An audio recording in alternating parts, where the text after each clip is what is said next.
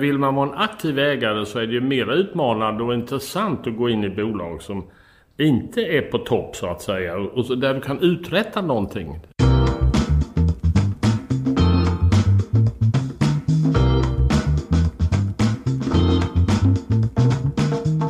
Han har alltid drömt om att bli företagare, men det var först som 45-åring som han gjorde slag i saken. Men sen gick det snabbt och idag omsätter företagen inom hans imperium totalt sett över 30 miljarder kronor. Vad är hans recept för att skapa värde? Och vad tycker han att man ska undvika? Du lyssnar till podden Min första miljon med mig Mikael Törnvall. Veckans gäst är Rune Andersson som är grundare av Mellby Gård. Ett privat holdingbolag som äger vitt skilda verksamheter som glasögonsäljaren Smart Eyes, hustillverkaren Älvsbyhus, klädbolaget Kappahl och tätningsföretaget Rockstack. Men först några ord från vår sponsor.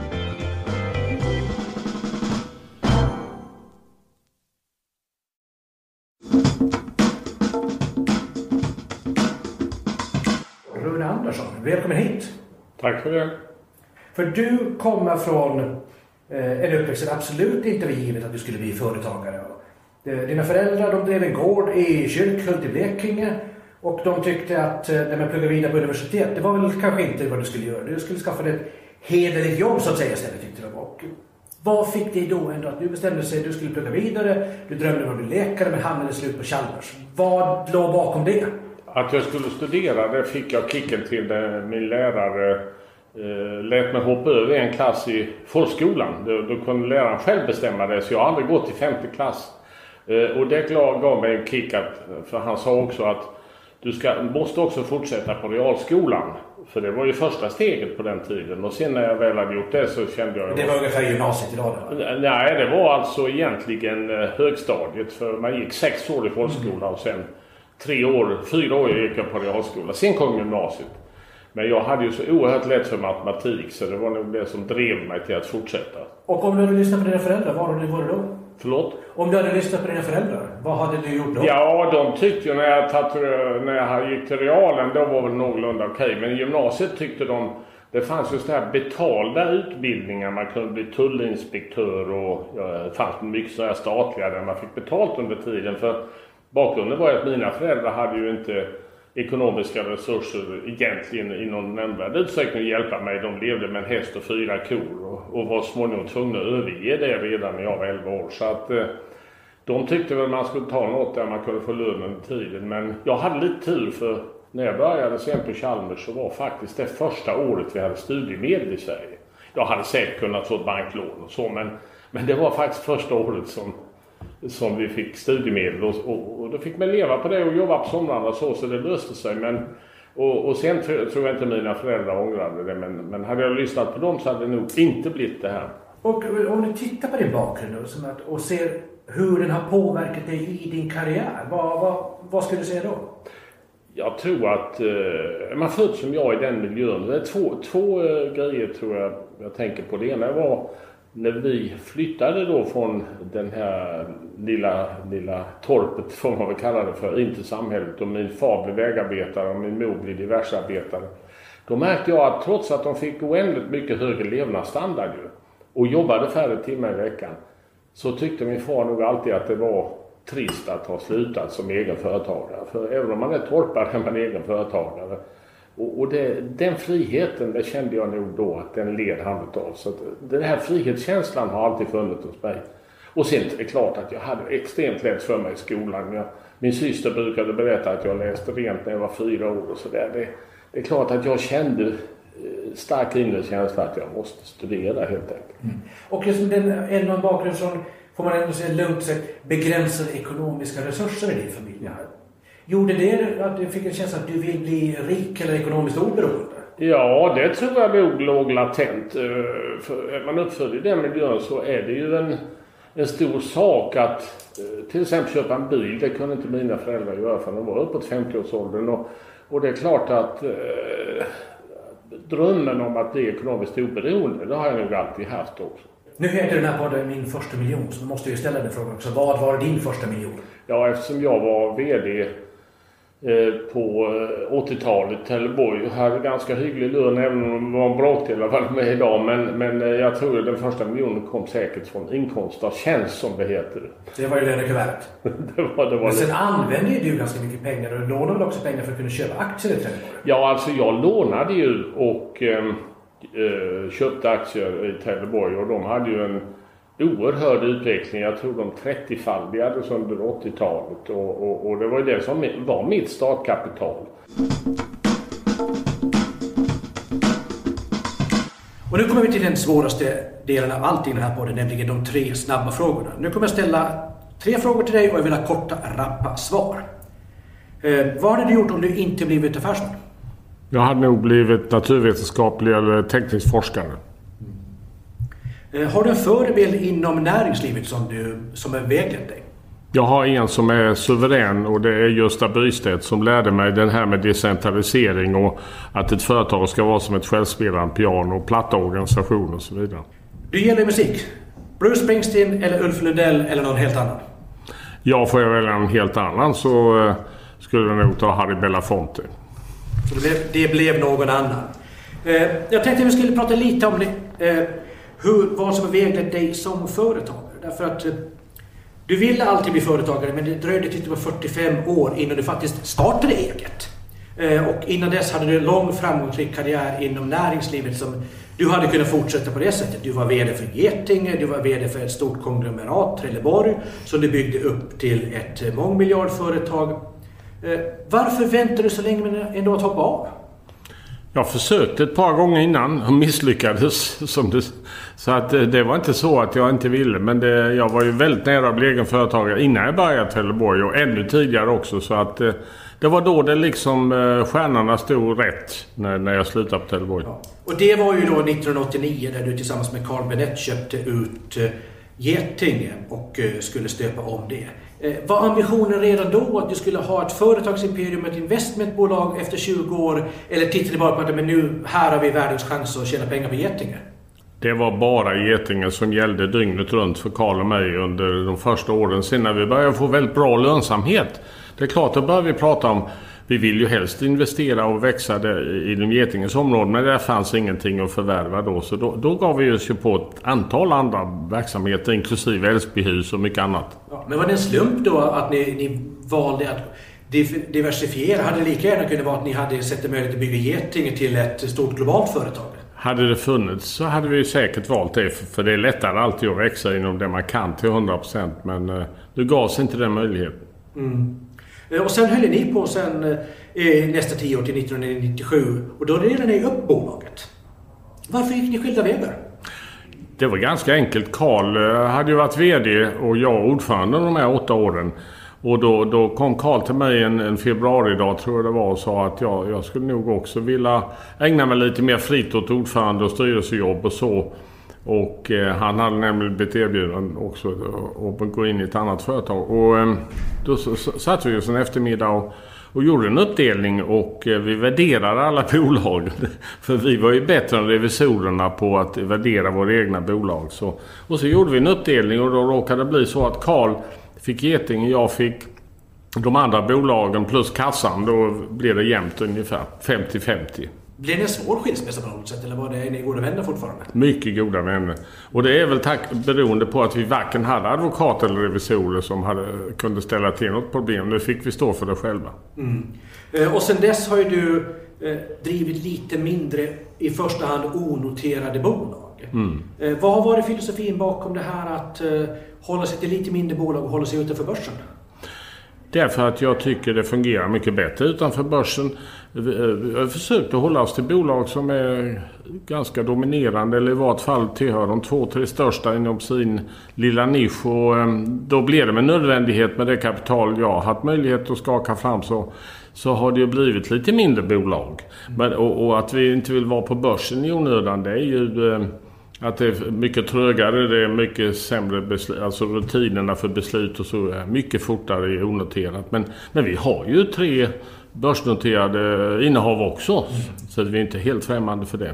Men just det där med, med storlek, det låter ju på dig som att det är smartare då att vara störst i en liten nisch än att vara ett av många världsledande bolag som finns med hela världen. Absolut, och är man då i nisch, vi kan ta Rockstech, vårt största företag, som omsätter 2 miljarder. De är nog 10 gånger större än närmaste konkurrens, konkurrent på hela jordklotet och eh, de har 99% export ungefär. Det, det är perfekt den typen av företag.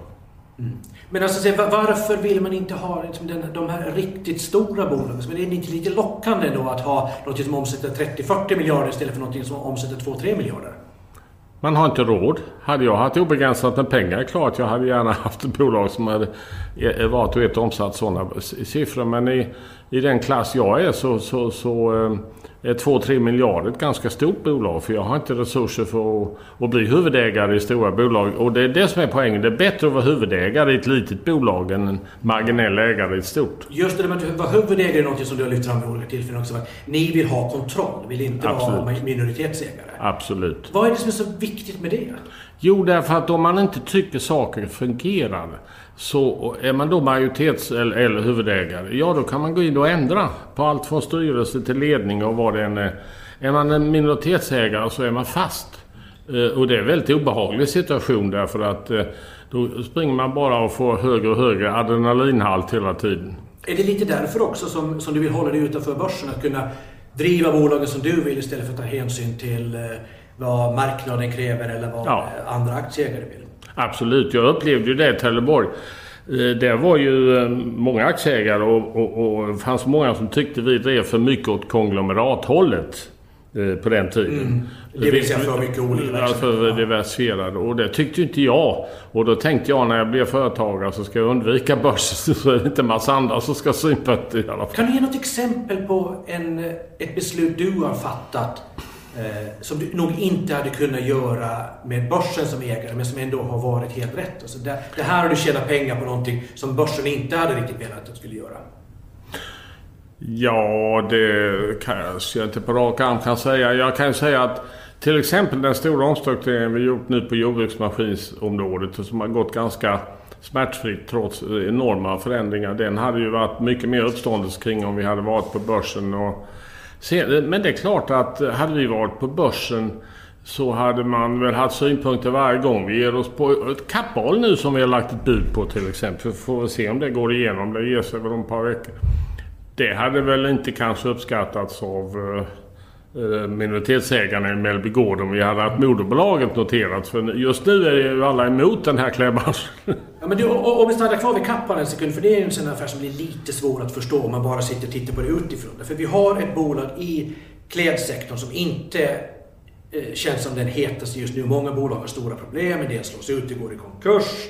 Eh, alla säger att men ni kommer bli krossade av uppstickare som Zalando eller Amazon. Mm. Varför sjutton vill du öka ditt ägande i det här bolaget?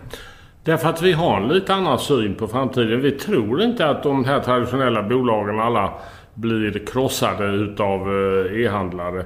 Eh, ett och annat faller ifrån men det kan ju snarare vara en fördel då. Då är vi lite färre kvar i alla fall. Mm. Men man brukar säga ofta att de här Gamla dinosaurierna går inte att stöpa om. Det är i de nya bolagen som Zalando och allting händer. Varför tror du ändå på bolag som Kappahl? Ja, jag, jag delar inte den analysen. Alltså, eh, även de gamla eh, butiksbaserade, de eh, utvecklar sin e-handel. E-handlarna börjar ju inse att de måste ha butiker också. Det, eller en fördel att ha där kunderna kan hämta varor och så. så att jag tror att de här två branscherna växer ihop till en bransch. Alltså det blir online och offline så att säga. Precis som i i, i uh, en massa andra branscher. Men du ser inget hinder då att en gammal dinosaurie att säga, som Kappahl kan vara en av vinnarna i framtiden?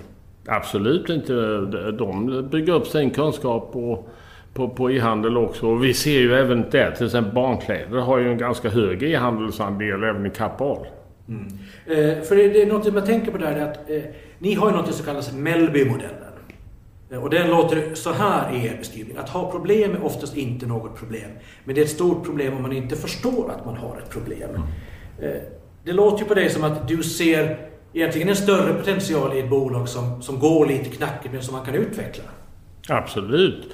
Att, att gå in och investera som aktiv ägare som vi är eh, i ett bolag som är väldigt välskött och som har hög lönsamhet, jättebra management jag vet inte vad vi skulle kunna bidra med där. Då vore det som en ren penningplacering. Då kan du lika gärna köpa en indexfond eller något sådär.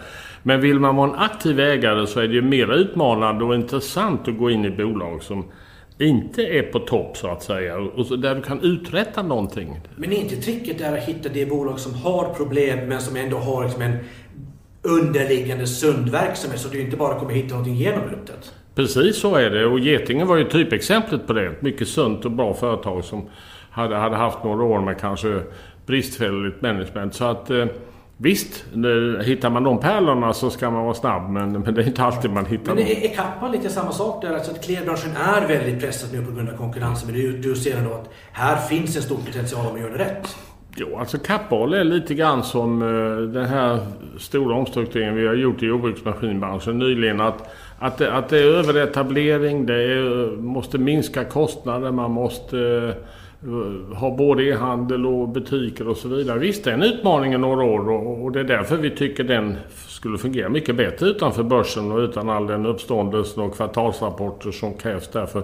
Det kan ju kräva ganska stora omstruktureringskostnader innan vi är igenom det, det ska jag säga. Men där vill du ha lite lugn och ro utanför börsen för att ja. kunna driva igenom det här? Ja, absolut. absolut. Eh, en annan princip som du ofta har, det är att du vill förstå de bolag du ger dig in i. Mm. Och du har sagt i en intervju en gång att jag håller mig ifrån moderna grejer som IT, telekom och läkemedel. Mm. Men då undrar jag för det första, liksom, är det inte ändå lockande att försöka vara med på nästa app som blir ett Spotify eller vad den som var så tidig investerare i Google eller Facebook? Även om du kanske inte riktigt förstår vad de håller på med, lockas du inte den här möjligheten?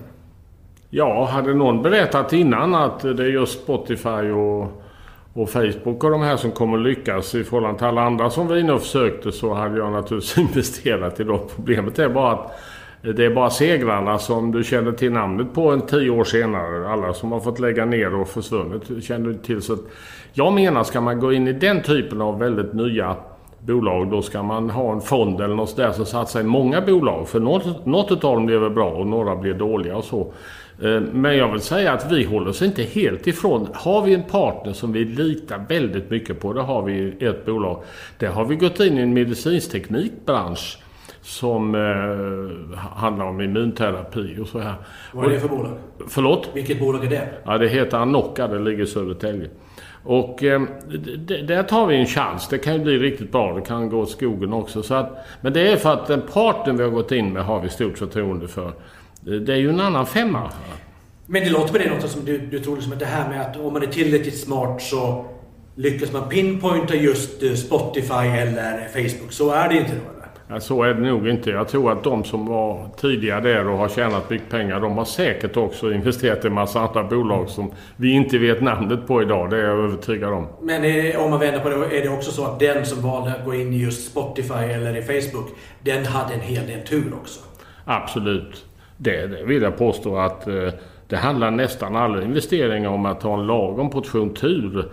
Det har vi haft eh, eh i Mellby och det tror jag alla. Man får vara fan inte otur varje gång, då går det inte. Mm. Jag minns också att du på en konferens som jag var med och lyssnade på så sa du att, eh, att det kan, hur lätt det är att det går fel när man inte riktigt förstår affärsidén. Och du mm. brukar lyfta fram Meaning Green, den här gröna snabbmatskedjan som exempel på det när du inte riktigt hade koll på var ni gick in och varför ni gick in och det gick inte bra. Alltså, vad var det som blev fel? Ja, nu när det har gått eh, snart 20 år sedan så, så eh, kan man ju lätt se att hade vi varit 10-15 år senare hade det nog gått bra. Då var det stor efterfrågan på lunch, vegetarisk lunch. Men middagar ville man inte gärna äta vegetariskt för då var det sällskap eller businessfolk där några var köttätare och andra inte. Idag kanske det har gått bättre men så att det, det gick inte att driva restaurang på bra beläggning på luncherna och väldigt dålig på kvällarna. Det var omöjligt så att säga. Mm. Men alltså, gjorde ni inte hemläxan ordentligt? Nej, det gjorde vi säkert inte. Och det är jag inte säker på att vi har gjort i alla bolag vi har gått in i heller. Man försöker så gott man kan att studera konkurrenter och lönsamhet hos konkurrenter och sådär.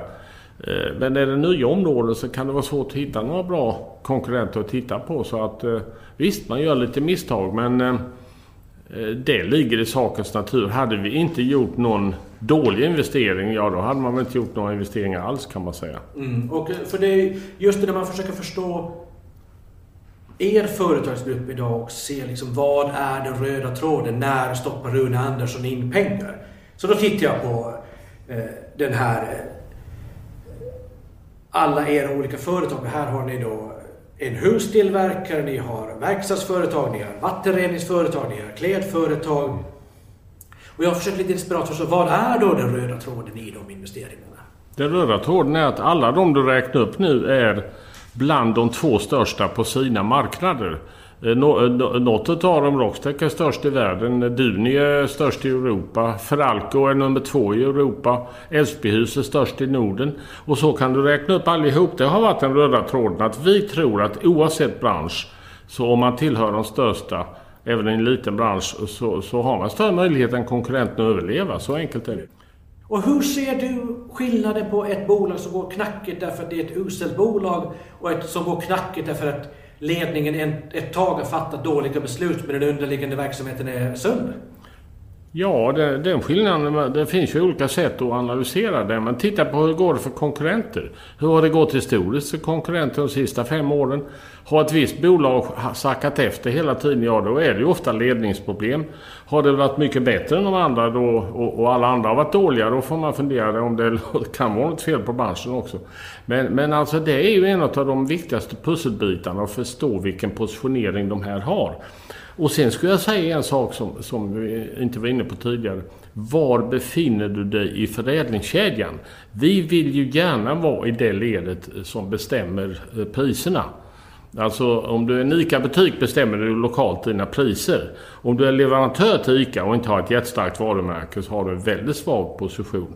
Om du tittar på alla våra bolag så har vi ju nästan alltid sitter vi i det ledet som, som, som är det starkaste. Det, det är oerhört viktigt. Men det kommer tillbaka till, till din princip också, kunna, kunna styra priset. Mm, absolut. Eh, det är, nu är du inne i den här eh, tiden så där det håller på ett tag i processen att lämna över bolaget mm. till dina barn. Mm. Din yngsta son Johan, han är VD sedan 2013 tror jag va? Mm. Hur viktigt är det för dig att barnen tar över? Det är väldigt viktigt. Eh, har man byggt upp ett familjeföretag så vill man ju att det ska fortsätta vara ett familjeföretag. Att sälja det och, och, och så dela upp pengarna till barnen, det, det, tycker jag skulle vara fullständigt meningslöst. Du skulle kasta bort ditt livsverk då eller? Ja, lite grann och dessutom ge barnen en förskräcklig massa kontanter. Det, det hade inte känts något bra heller. De, varje generation får, får liksom göra sitt. Och de två äldre bröderna är ju egna företagare och har verkligen fått lära sig hur tufft det är att vara företagare. Och, och det har ju Johan i högsta grad fått lära sig nu när han har gått in som VD. Det, det är så man väl uppfostrar sina barn. Eh, eh, att, att, att med eh, god ekonomi följer ett väldigt stort ansvar och mycket jobb. Väldigt Men har det alltid varit självklart för dem att de på något sätt ska vara vara delaktiga i... Ja, efter de har varit ute några år. Ingen utav dem var med i bolaget förrän de hade jobbat mer, ja, tio år utanför företaget. Det var också väldigt viktigt för det. Utanför företaget, de lär sig så mycket. Jag tror inte de hade lärt sig så mycket om de hade varit inne i, från början börjat i Mellby Gård. Det tror jag inte. Jo, vi har ju alltid i det här programmet en sektion om eh, vilka råd man ger till eh, företagare. Och du har ju precis lämnat över till dina söner, så vilka råd har du gett dem?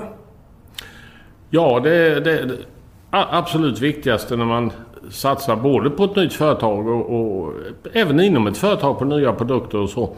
Det är just att titta på priserna först. Vad kan jag få för den här produkten? Vilka är beredda att köpa den? Och så får man göra lite konservativa kalkyler på det. Sen tittar man på kostnaden. Vad kostar det att producera? Och går det ihop då, då kör man. Gör det inte det så får man lägga ner. De flesta företag börjar med kostnader och sen tittar de vad kan jag få för betalt för det där. Det där är nummer ett. Nummer två det är Även i små företag så ska man ha delägande, tycker jag, av management. Därför att det är det bästa sättet att förvissa sig om att de har samma långsiktiga syn som en ägare själv har. Och det har vi, har vi i nästan alla våra bolag. Och det är därför vi har en väldigt stabil management. De flyttar inte eh, ut och in till konkurrenter och så. Det tror jag beror på att de är... Är det viktigt att göra management eh, att de tjänar bra med pengar i sitt företag? Absolut, och det gör de ju om det går bra i företaget. Om de är delägare så gör de ju det. För då, då eh, med jämna mellanrum så kan vi köpa tillbaka aktier av dem. Vi är väldigt noga med Vi har inte optioner i någon utsträckning utan vi har riktiga aktier. Och så värderar vi med revisorer och så. Det är en egen process bara för att inte få problem med Skatteverket. Men Det är, det är punkt nummer två. Och, och, och, det tredje det är en väldigt decentraliserad organisation, alltså platt organisation. Man behöver inte massa mellannivåer. När jag var i Electrolux så hade vi sådana ledningsmöte. Då var vi 22 eller 23 produktchefer direkt under Gösta Bystedt i princip. I ett sådant världsföretag. Och åt Helleborg gjorde jag samma förändring när jag var där. Det är väldigt viktigt att man har snabba beslutslinjer mellan chef och underställd. De här kolossala koncernerna med flera nivåer, de förhindrar väldigt mycket kreativitet. Men är det därför det är ganska få medarbetare trots allt i Mjölbygård, trots att ni hanterar en så pass stor grupp? Ja, vi har ju väldigt litet huvudkontor. Därför att vi styr inte med på något annat sätt än att vi sätter in styrelseledamöter, antingen vi själva eller människor utanför som vi har stort förtroende för. Det är så vi styr våra bolag. så att vi har huvudkontoret, det är under 10 personer och hälften av dem nästan jobbar ju med uh, mer rutinmässiga bokföring och redovisning och sånt. Uh, så att... Uh, så tänk pris, ta in delägare i bolag du bygger upp och ha en platt organisation i de tre ja, viktigaste. det är de tre viktigaste. Ja. Mm. Du, låt oss nu prata lite grann om det som inte har så mycket med företagande att göra och börja med dina välgörenhetsprojekt. Jag tittar innan vi satte oss ner här på Eh, de olika projekt som ni håller på med i dina stiftelser och från Välbygård. Eh, och det finns en hel del olika saker. Mm. Ni har satsat pengar på att renovera eh, Kyrkhultsstugan på Skansen. Mm. Du har delat ut stipendier både till studenter och till duktiga sångare. Du sponsrar fotbollslaget Trelleborg FF. Och då undrar jag naturligtvis, var finns den röda tråden? Nej, det finns ingen röd tråd. Ehm, och det tycker jag ligger i sakens natur. För är det välgörenhet så, så, så, finns det ingen röd tråd. För behov dyker upp hela tiden. Det kan vara allt ifrån en eh, funktionshandikappad idrottare som vi, vi matchar, hjälper till att komma till, till olympiader och sånt där. Till eh, ett stort forskningsprojekt vi nu har på, eh, på Karolinska här i Stockholm. Utan det blir, och det är väl friheten med att vara företagare, att vi har bestämt, jag tillsammans med grabbarna, sönen alltså, att ungefär 2% av vår vinst avsätter vi varje år. Vinsten efter skatt då, för det här är inte avdragsgillt och så. Så att eh, 15-20 miljoner brukar vi avsätta till stiftelsen. Och sen används det då till väldigt många olika projekt. Och det ska vara roligt också det här. Ska det är sånt du vill ge till helt enkelt? Eller som ni ja, att alltså man ska ju... Tennbygdsmuseum har jag nyligen sponsrat i Kyrkult. Eh, alltså man, man ska ge med glädje. Man kan inte ha några regler då och säga att det där måste vi satsa på. Mm. Då blir väl inget kul. Utan det, det är där hela friheten ligger. Att det är många stora och små projekt. Men varje gång man gör det så tycker man det är väldigt roligt att göra det. Det, men det verkar viktigt för dig. Du har sagt också att det är roligare att ge. Alltså det ska vara kul. Ja absolut. Det ska vara... Det ska vara väldigt roligt att ge. ge. Det ska inte kännas som en, en, en plåga utan den här eh, den här ramen på 2% det är bara för att vi ska ha något att hålla oss till. För, för att har vi förbrukat den så ja, då får vi vänta till nästa år med det här projektet. Men, Hur mycket har det blivit genom åren? Förlåt? Hur mycket pengar har det blivit genom åren? Ja, det blir ungefär 15 eh, miljoner om året i sånt här. Men sen utanför det ligger ju ligger till exempel sponsring av TFF. Det ligger ju utanför den här stiftelsen. Så att eh, lägger vi ihop allt inklusive idrott då ligger vi på mer än 2% av, av vinsten alltså. Mm. Eh, och just idrotten, för det, den är ju någonting som man pratar med dig om. Alltså varför är den så viktig för dig? Och fotbollen? Fotbollen? Ja, Trelleborg är väl viktigt. Jag bodde där i 14 år. Jag har Trelleborg att tacka för mycket av, som jag sa innan, den basen som eh, jag lyckades skapa sen i mitt liv. Eh, och det andra viktiga var ju att Johan spelade ju i eh, juniorallsvenskan. Han tränade ju nästan varje dag i veckan. Så det är klart att man känner en väldig samhörighet med just det laget. Det, är inte så konstigt. Mm. Men du sa också att det ska inte kännas som en plåga så att säga. Ja. Men tycker du ändå att rika människor har någon slags plikt att eh, också ge?